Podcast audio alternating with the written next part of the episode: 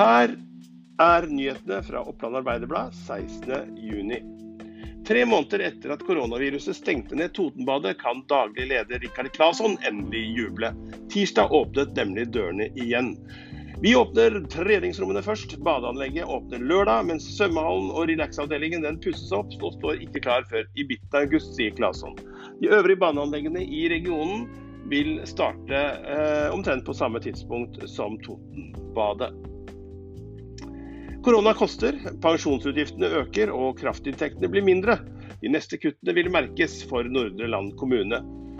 Tom Rune Brattelien er eh, nytilsatt konstituert kommunedirektør i Nordre Land, og han har fått eh, en, eh, i oppgave å lede kommunen gjennom en økonomisk vanskelig sommer, vår og høst. Anslag viser at kuttene for neste år kan bli mellom 30 og 40 millioner kroner.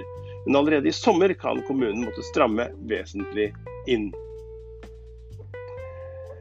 Lenken leder til det som skal se ut som en artikkel fra Dagbladet, men alt sammen er juks og bedrag. Eiendomsmegleren Geir Heimdal er en av mange som de siste dagene er blitt eh, lurt til å, eh, uten å ville det, eh, tagge eh, venner i sosiale medier i innlegg med bilde av Fredrik Skavlan og Petter Stordalen under teksten 'Han ønsker å hjelpe folk over hele Norge med å betale gjelden sin'.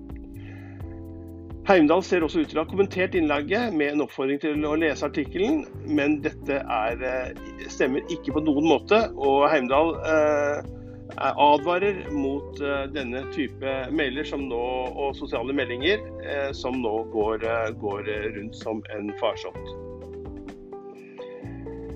Leverandørene er tomme. Det er kun de vannskuterne som står hos forhandlerne som er igjen på markedet.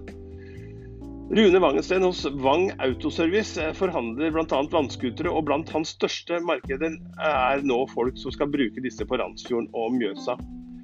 Årets salg har tatt rett og slett av, og det er tomt hos leverandøren. Og det er kun de som står igjen i butikken som nå kan, eh, kan skaffes. Man får telefoner fra både Oslo og Bergen fra folk som er ute etter vannskuterne, forteller han. Ifølge Elias avbruddskart er store deler av Gjøvik sentrum uten strøm, deriblant rådhuset Gjøvik stasjon og hoff i formiddagstimene tirsdag. Over 1000 mennesker ble umiddelbart strømløse da feilen oppstod hos Elvia klokken 11.34. En drøy time etter at feilen oppstod, var strømmen tilbake hos samtlige berørte, ifølge avbruddskartet.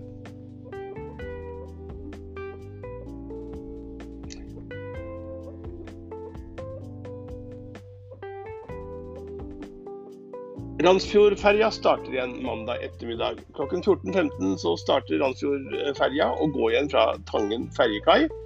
Og eh, det melder mannskapet. Ferja måtte stoppe etter at en hydraulikkslange gikk i stykker litt etter klokka 09.30 mandag morgen. Denne er nå fikset, og ferja kan dermed begynne å gå igjen.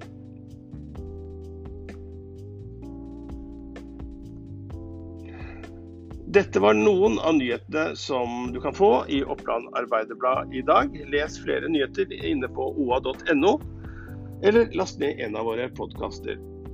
Mitt navn er Erik Sønstli. På gjensyn.